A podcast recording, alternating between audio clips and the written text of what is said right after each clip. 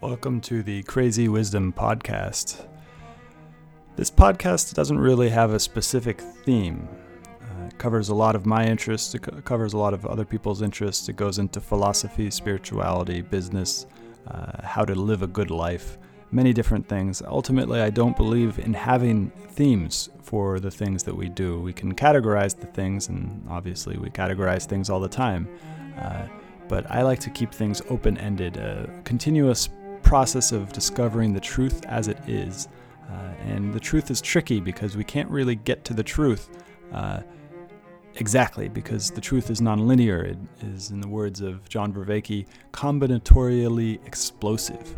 Uh, even the truth of this window that I'm looking at, the window itself, the glass that makes up the window is combinatorially explosive. The cup that holds your water is combinatorially explosive. You cannot model that cup totally in your head. You're only getting an image of it in with your eyes and your brain. That's not the actual cup itself. Uh, so this this show is a discovery of truth wherever it may appear by talking to people from various different fields. I've talked to artists, engineers, entrepreneurs, investors, uh, refugees. I've, I've just talking to anybody who has a glimpse into the truth. Uh, and through this conversation, through this mutual inquiry into what is true, what is real, hopefully we get to something that is helpful for to you. Now, we are in a time of crisis right now, uh, but it is in those times of crisis that we find our strength. And so, this show hopefully will help you to find the strength that is resting, that is deep inside of you, that is part of your birthright as a human being, uh, and find that strength so that you can get through these difficult times. Also, I want to let you know that I'm offering breathwork sessions uh, every day. I've got seven sessions a day. Uh, and really excited to bring this to people. People have been really enjoying it, and it has brought strength to people and courage. And, and that's my that's my goal is to help you find the courage to uh, not only survive but to thrive in the next couple years, maybe because this virus is not going away. Um, it, it, usually viruses come in waves. Uh, so this is the first wave. It will go away, and then it might come back. I'm not saying that I know for sure it will come back, but we are in this for the long haul. So this is a uh, marathon, not a sprint, uh, and I want to do everything I can to help you not only survive but to thrive. Uh, so. If you are interested in that, please find me on Twitter at Stewart Alsop III. My DMs are open. I'd love to hear about what you think about this show. Uh, also, it'd be very, very kind of you to both subscribe to the show on Spotify, Stitcher, uh, iTunes, many of the major pot plat- platforms. And if you're really feeling generous, go ahead and give a review on iTunes. So join me for the breath work. Just send me a message on Twitter at Stewart Alsop III with your email, and I'll add you to the email list where I'm sending out emails for the schedule. Uh, hopefully, see you there. Have a great day. Welcome to the Crazy Wisdom Podcast. My guest is Michael Meyer. He is CEO and the co founder of Bottomless. What they do is restock coffee automatically. Welcome to the show, Michael. Excited to be on. What is the most interesting thing you find yourself doing today? Um, probably taping this podcast. But besides that, in, in our business, we see a huge surge in sales and interest. Happen to be doing something that allows people to get coffee without having to leave the house. I'm just trying to keep up with demand, really. Yeah, interesting. And so, what has the, been the biggest thing you've learned about distribution in the last three weeks? It's been surprising that the USPS is keeping up to its load for the most part. There's been no disruption whatsoever. I think that's been surprising. Wow. So it's basically kept up with demand, similar in the way that we've seen China still make sure their population gets everything they need. Do you know much about that? Yeah, we have a hardware component to our business. So we have somebody on the ground in China that, that we engage with full mm-hmm. time. So I talk with him on a daily basis. During the peak of the crisis, there were a lot of delays. He's living sort of in the future there in Shenzhen, China, and, and he could basically order anything and it would arrive within like an hour. So he was very frustrated that it was taking two days, three days for stuff to arrive. That's so interesting. In Shenzhen, I mean, have you spent much time there? Yeah, we made a couple trips there. This is the interesting thing about Shenzhen, and I think a lot of people already know this, but it's just a city that just kind of exploded from a fishing village in the 1970s. And it's been completely designed recently to be this high tech modern city And so they've got these electric couriers that are going over and kind of delivering everything. Do you know anything about like the the way that the CCP is actually tracking people? Yes, I do. One interesting thing about Shenzhen first, it's kind of a similar density to like Manhattan, but if you go up in an elevator, it just extends forever. Here, when you go to a city center, you get this clumping effect. The closer you get to the city, the more mm. buildings there are and the denser it is, and the buildings are on top of each other. In, in Shenzhen, it was very different. You can feel the planned aspect of the economy. It, it almost is this constant medium high density, but just for as far as the eye can see. Anyways, your, your question um, was about how they're dealing with the crisis there. Yeah. And the transportation and how the government is actually tracking people and their phones. They may be doing hidden surveillance of people's phones and locations. I don't actually know anything about mm, that. But they're also doing sort of explicit tracking. So my contact everywhere he goes, he has to scan a QR code on his phone and they they deny him entry if he's been anywhere that somebody else scanned their QR code who had a fever. So it's this combination of scanning QR codes and scanning people's foreheads with a temperature reader. So they have basically full health surveillance, at least in Shenzhen. And that's just something that we could have like would never happen in a million years. It's just something that the West couldn't stomach because like the idea of surveillance in healthcare is completely against most of the regulatory framework that we have. I don't know if people would stomach, and I also don't think we have the resources to hmm. marshal up that kind of effort that fast. So I was sort of astonished by this, and I, I asked our guy, how did they get so many people so fast? And he said that the Chinese Communist Party is like five, seven percent of the population, and they just marshaled their people. Wow, that's crazy. So let's take it back to your company now. How long have you been working on this? I personally have been working on it for a while, actually. Um, bootstrapping a hardware company is really hard. For context, I had never built hardware before doing Bottomless. I also had never written a server. I had um, only done front ends. So it was sort, sort of an education just to get the thing spun up. So I started it by myself with the support of my partner participating part time, spinning it up, figuring out how to hack together 15 prototype devices, figuring out how to do the basic advertising just to get a sample of 15 people signed up. I know it's fashionable to get your friends to sign up to your service, but I personally don't think that's a good approach. I think it was hmm. really useful for us to get random people that we acquired through ads to sign up hmm. because we actually believed the sample.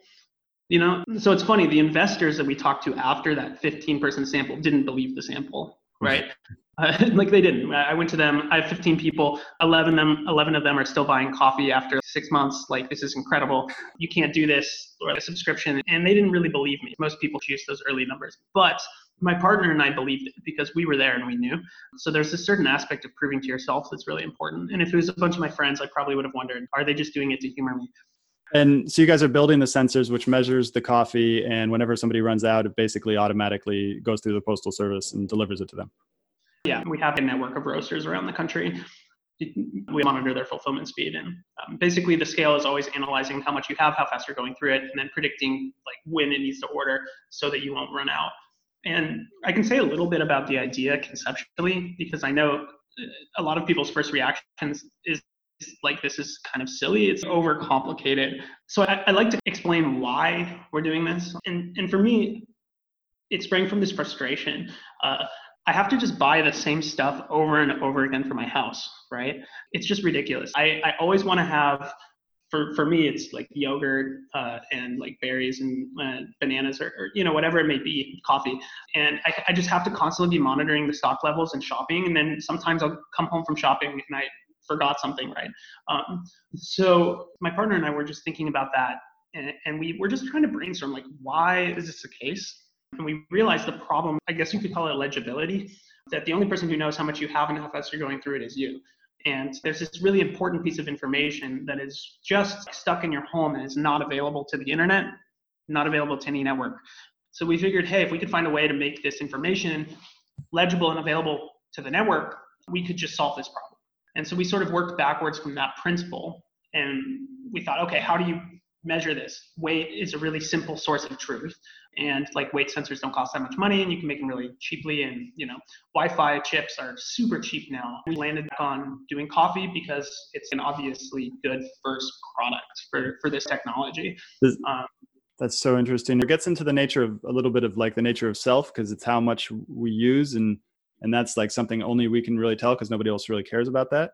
That's so interesting. That's really cool. Uh, that's amazing. And there's an idea. There's like a, a the the idea of like sensing things because people have been talking about smart kitchens for a while now. What are some of the other kind of things in this sector? Food yes. science. So so people started with the idea of smart and then worked backwards to kitchen, right?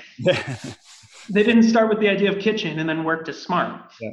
So we just started with kitchen. Like I don't care about IoT really. I mean, I do now because I'm working on it, but I didn't care about IoT. I didn't set out to make an IoT solution. You know, I don't have smart bulbs in my house. I can talk about some of the other approaches. I mean, the really famous one is Juicero, right? Mm. And Juicero is a bane of my existence. We do a lot of advertising where we leave comments open. And they call you a juicero. When you leave comments open, you leave yourself open for attack. And yeah. with a with a with a business model like ours, that's doing something totally fresh and crazy, you get a lot of attacks and you get a lot of people asking questions, and also a lot of people saying this is awesome. But a lot of attacks as well, um, which in and of themselves contain information, right? So Juicero, yeah. Um, that was like a $700 machine where they were trying to sell you crappy juice. And, and we see ourselves as like a free machine that sells you great coffee. So if the if it's a free device, it, no, you have to do a one-time purchase of the device, or or what? How does that work? Uh, we give it away for free. I want to do is convince people to buy fresh coffee that they just get automatically. And fresh coffee is way better than coffee that you normally get from the grocery store. So you know, we just focus on making the gadgets really cheap. The first ones that we made were terrible, actually. Just these 3D printed monstrosities that I designed myself and in some CAD program that I taught myself just to do that. But like it still worked and, and, that was sort of heartening. And so on the china side you guys have faced no distribution issues or you faced one in the beginning. Essentially it hasn't stopped your these things the sensors are being manufactured in china right? Or where are they being manufactured? Yeah they're being put together in china. So we've been we've been doing them ourselves for years. We've made i think 2000 of them ourselves. I, i've got scars from um, so much soldering. In terms of disruptions, uh, here's how it went. So there's this Chinese New Year holiday. Maybe people don't know about this, but every year China basically stops for like two weeks, and people travel back to their home villages. Most most young working people are working in like coastal mega cities like Shenzhen, but their family lives like inland in, in these little villages or these smaller cities. Um, and so what people do is they travel all the way there to spend two weeks with their family. And that's usually the only time they see their family throughout the year. So it's this total work stoppage. And then what happened is after the work stoppage, um, nothing reopened. So most manufacturers, and I guess you could consider us a very, very small scale manufacturer, sort of it, they, they plan for the Chinese New Year disruption. So it was sort of like a, mm. an elongation of the existing disruption. And here's how it went. Basically, um, they didn't open and then they continued not being open and then it just kept going on and then what happened was the government basically said okay well everybody is still ordered to be closed but you can ask permission from us to reopen and what you need is you need to have enough masks so that every worker can wear a mask during every shift and i think there were a number of other um, provisions that were required. As soon as that announcement came, it just reopened because even through the work stoppage, the mask factories didn't stop. And I'm told that the production ramped up 10 to 30 times. Just people manufacturing all sorts of stuff pivoted to masks. Wow, that's really interesting. So, and I mean, masks are easy to make, particularly when you just have such a huge supply infrastructure. But that hasn't affected your guys's your guys's business. Not really, other than you know having to work around the the disruptions. And we tend to be impatient here at Bottomless, so we we push to get our stuff out before Chinese New Year. so we were super irrational, and so we we managed to not be hit too bad.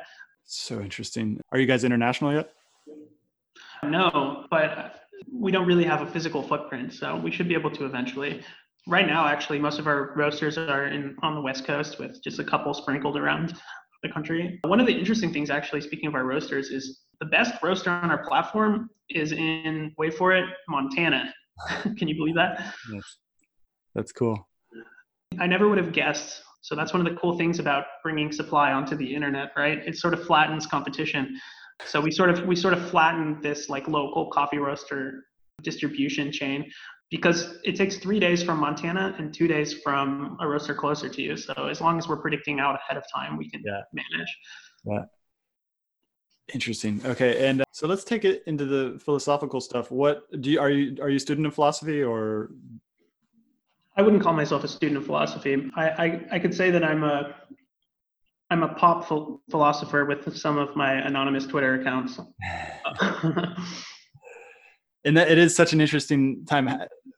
I like I liken Twitter to kind of mid-century, early mid-early century kind of Vienna, like the Vienna where Freud and and Jung and all all of them kind of got together. It feels like that, but a distributed one. What do you think of that? What's your analogy for the for the internet or for Twitter in in particular about its network ideas? That's an interesting question. My my main thinking about it just comes from my own experience, like most of my philosophical thought. I grew up with centralized broadcast technology, right? My parents would watch the, the nightly news and it would be, you know, some guy in a CBS studio.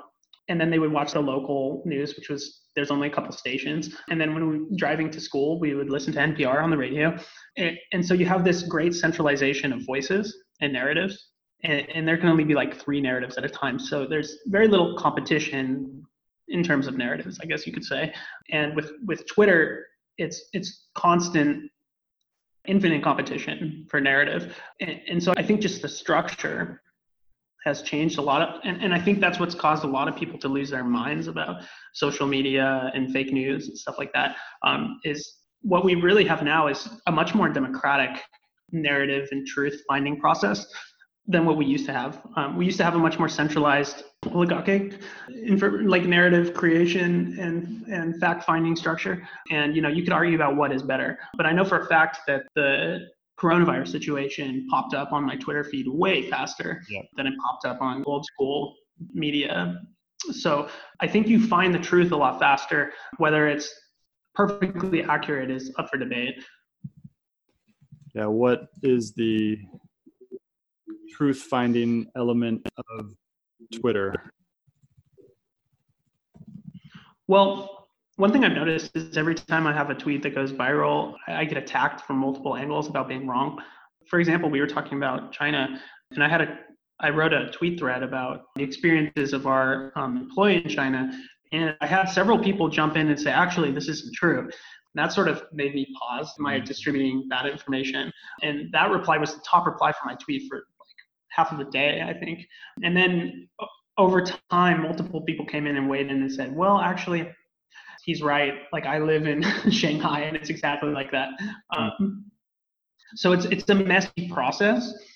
It's kind of, I have some familiarity with machine learning and you have like this gradient descent algorithm, which is essentially minimizing error and sort of hopscotching um, back and forth between positive error and negative error but making it smaller every time until it sort of like hones in as close as it can get to the truth. And, and I think with Twitter, you have a much faster process and a much noisier process, but I, I think you can hone on, in on a truth faster, essentially, th- than if you have people that think they're correct, but are not really being challenged in real time. The truth making process is happening in conference rooms um, with like a limited group of people.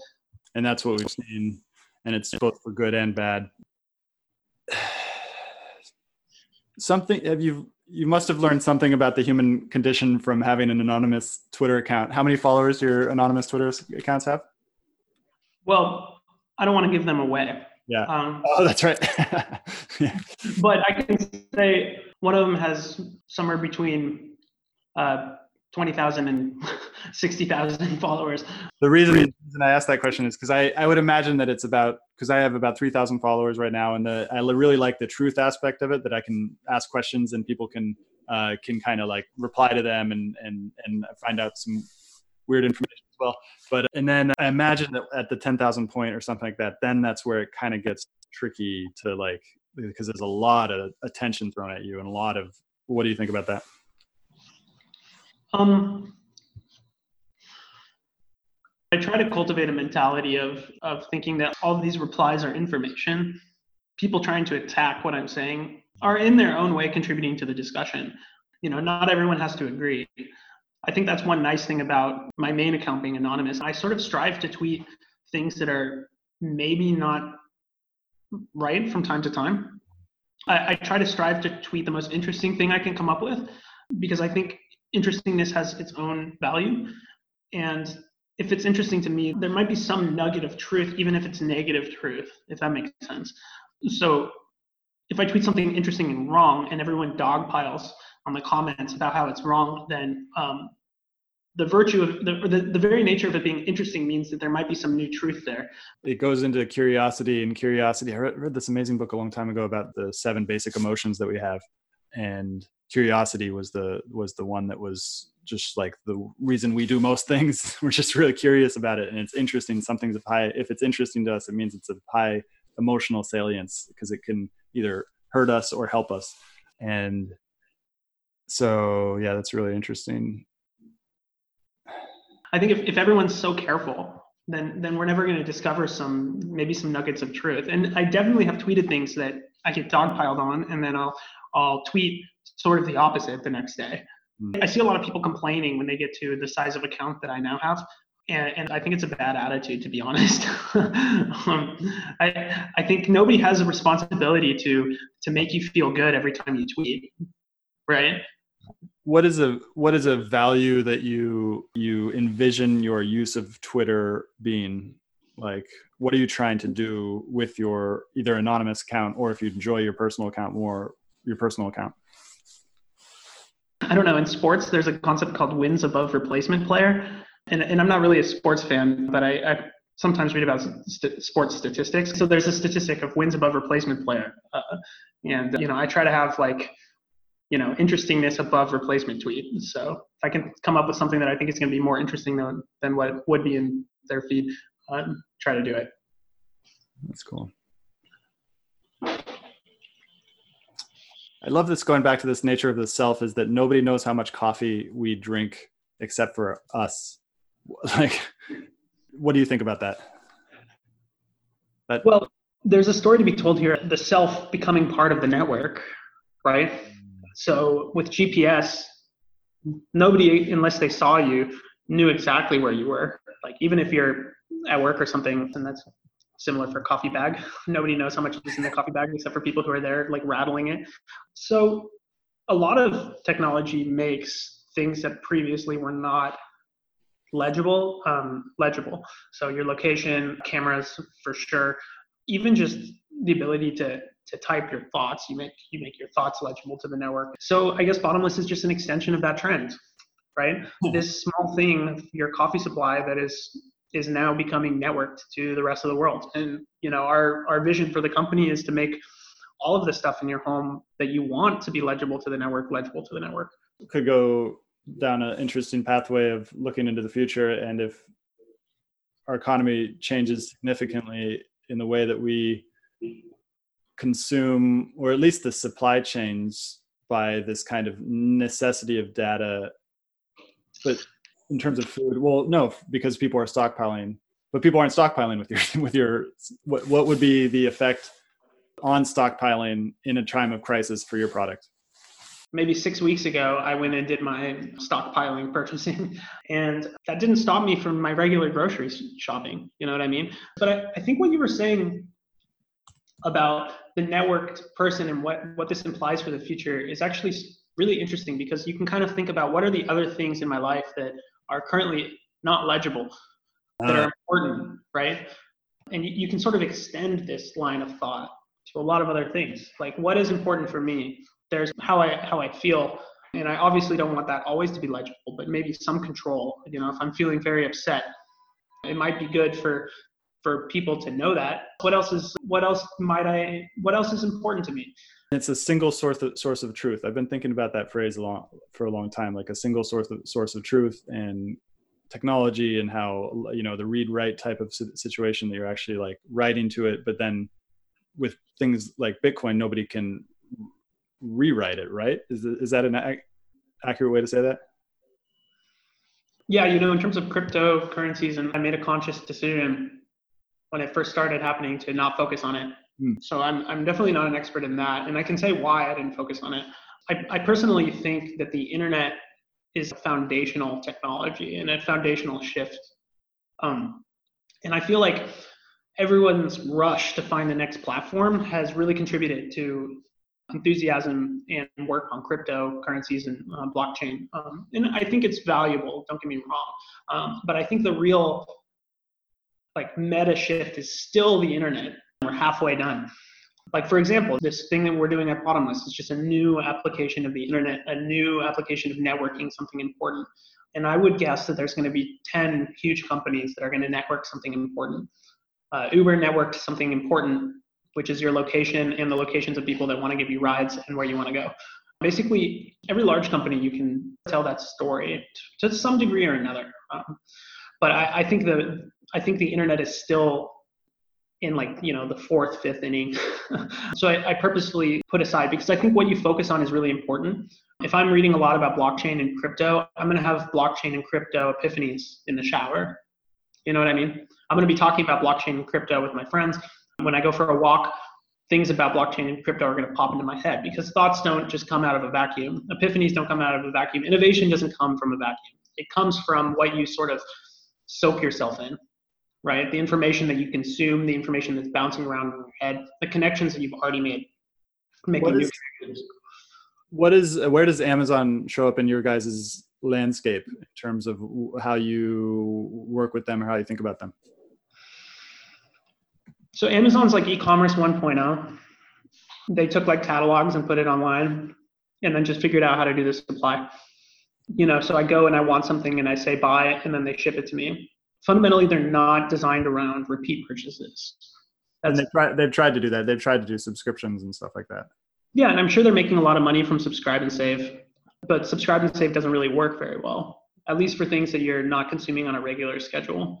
So based on our data, there's no way that a coffee subscription would work for the vast majority of our com- our customers' consumption levels. Even the people that drink coffee like clockwork, sometimes they drink double, and you know they'll go on a vacation and just these minor disturbances can lead to drift off of your trend. And before you know it, you have two extra bags or you run out twice. So like subscriptions really need to be flexible for for things that are regularly consumed. And you know the bull case on our business at least is that that's like most of the economy for goods, uh, for like physical things, is things that I'm going through regularly, right? Like how like I buy a I buy a microwave and a toaster once for my um, kitchen and maybe I outfit it with plates and stuff and I can buy all that from Amazon. But like the the stuff that I'm going through constantly and that I buy hundred times a year, it, it, just doesn't really work very well for that. And there's something I'm like on the cusp of it. I'm not sure I'm going to be able to get it out, but it's got all your food coming to you. The one, the food that you, you regularly eat. So there's a question about variety of food, and I'm sure you guys have some data on that. Like, what is the average person how much do they vary in their foods? Because there's the staples. You're vegetarian. You're going to eat a lot of grains. That You're going to, you know, if you eat meat, you're made a lot of meat. And what, what, how much inter, inter individual variability is there? Interesting question. So I've read some studies on this. You know, you kind of have to become a philosopher about your business if you want to fundraise for your business.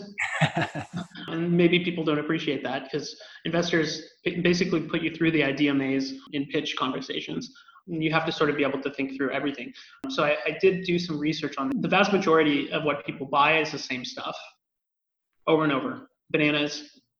Most of what people buy is repetitive. And that's sort of how I see the future here is I, I see services figuring out how to crack those repetitive purchases and then grocery stores morphing into a more experiential retail um, concept. Ooh, I like that seasonal. It also it also what about seasonal? I'm, I imagine that the seasonal effect of food is like quite drastic. Does that affect the coffee market? To a surprising degree it doesn't. On the I thought that it would. Side it might, but on the demand side it doesn't. Oh on the supply side yeah. Um, roasters are constantly sourcing new crops like quarterly. And incidentally, one thing that I found out is that Colombian coffees are really popular in part because like they have multiple crops throughout the year. Ah, interesting. So if you source Colombian beans, um, like your Starbucks, you can just basically keep buying the same beans uh, from the same supplier. And then the food, when you're looking into product, other future product categories, what are you thinking next? Well, that's an interesting question. I'm going to keep those cards close to my chest because we've put a lot of work into figuring out what people actually want from this, and people ask for a few different things specifically. Um, but I'm not going to tell you. Damn. Um, it's a really interesting business. I'm I'm uh, I'm excited for you. It's, it's really cool. Well, this has been really cool. Thank you so much for coming on the show. How can people find out more about you, not your anonymous account? My my personal Twitter account is MICJM. So MIC is the first three letters of my first name, J is my middle initial, and M is my last name, MICJM. And then, you know, for checking out Bottomless, we're at bottomless.com. If you want to sign up for coffee, if you're interested in just what we're doing in the future of it, you can follow us on Bottomless on Twitter or Instagram. We have that handle pretty much everywhere. Um, did, did, was that a, was that a, a, a big purchase? You know, it, it, kind of was. It was interesting. My my co-founder is incredibly good at, it, and she managed to convince the person who owned Bottomless.com to cut us a really good deal. I guess you could say. So you know, the, the cool thing about the name Bottomless is it also has some other connotations, right? And so, like a big company or like a bunch of MBAs would probably not call their company bottomless. So all of the assets were basically available. Um, you know, so it's sort of like this arbitrage between people who take themselves too seriously. You know what I mean? Yeah, that's pretty sneaky. Yeah, so it, that worked out in our favor. Yeah, uh, that's so cool. Anything else you wanted to add? I had some thoughts about this this epidemic. I, I think people should try to focus on their their work and their lives and a little less on being glued to the news. It's important to stay up to date when things are moving really fast. But you know, you can get the updates in just a couple glances at at high quality news sites. And I think there's a lot of virtue in doing your your work at, in times like these. I was on a podcast maybe a year ago and I said, I think the average car mechanic contributes more to the world than the average monk. And I got a lot of flack for that uh, or not contributes more to the world, but is more virtuous. I still think it's right, and I think this crisis is really proving that out. Yeah, um, the meaning. It's the meaning people ascribe to their lives, and work is a huge, huge way to do that. Yeah, work is by definition a contribution. You know, if you're if somebody's paying you thirty thousand dollars a year, two hundred thousand dollars a year, you're probably providing more value than that. That's one of the nice things about working in the economy is at some point it needs to reconcile with reality right? And so you can have pretty close certainty that what you're doing has value. And especially if you're working in an industry that right now is not being decimated, like for instance, bottomless right now is really surging. And I find a lot of meaning in that. And maybe people who are working on vaccines are contributing more directly, but I think everybody that is doing anything that is really helping people continue to live, the car mechanic, the garbage man, should feel inspired to try to do the best job that they can. Uh, because we, that is how we support each other, not by making posts on social media about supporting each other or making big shows of action. Even if you work in a call center, people are stressed out, and you can just try to do your best job and provide a good quality experience for people when they have a problem with some service, right? You can apply it to any job. If you work at a tech company and you're a developer, you can try to make quality code that's not buggy, that, that works and is doing something for somebody in their life, right? There's a lot more virtue in work than people normally think, in my opinion. And I think people should find a lot of comfort in doing what they already are doing to contribute to society. Cool. Thank you so much. Uh, next time, we'll, I wanted to ask you what the what other supply chains were affected by coronavirus. So that we can do that next time. Um, okay. Yeah, that would be fun. I definitely had a good time. This was this was fun. Cool. Hope you enjoyed this episode. I'll be publishing episodes every Monday, Wednesday, and Friday in the morning. If you did enjoy this episode, please find us on iTunes, Spotify, Stitcher, many of the major podcasting platforms, and go ahead and give us a review. And also subscribe. And as always, I'm on Twitter at Stewart Alsop III. Come join the conversation as we aim towards the truth. And the funny thing about truth is that I can't really put it into words because every time you put the truth into words, you create a linear narrative out of something that is nonlinear. The truth is nonlinear. It's not. It's. It's. If you really recognize the truth right now, your mind wouldn't know what to do. It'd be overwhelmed by beauty, pain, or it's. It's something that is beyond our linguistic capability to represent. But that doesn't mean that the language isn't helpful. Language can point us in the direct right direction, but it's it's not it's not the truth itself. And so come join this collective inquiry into the truth.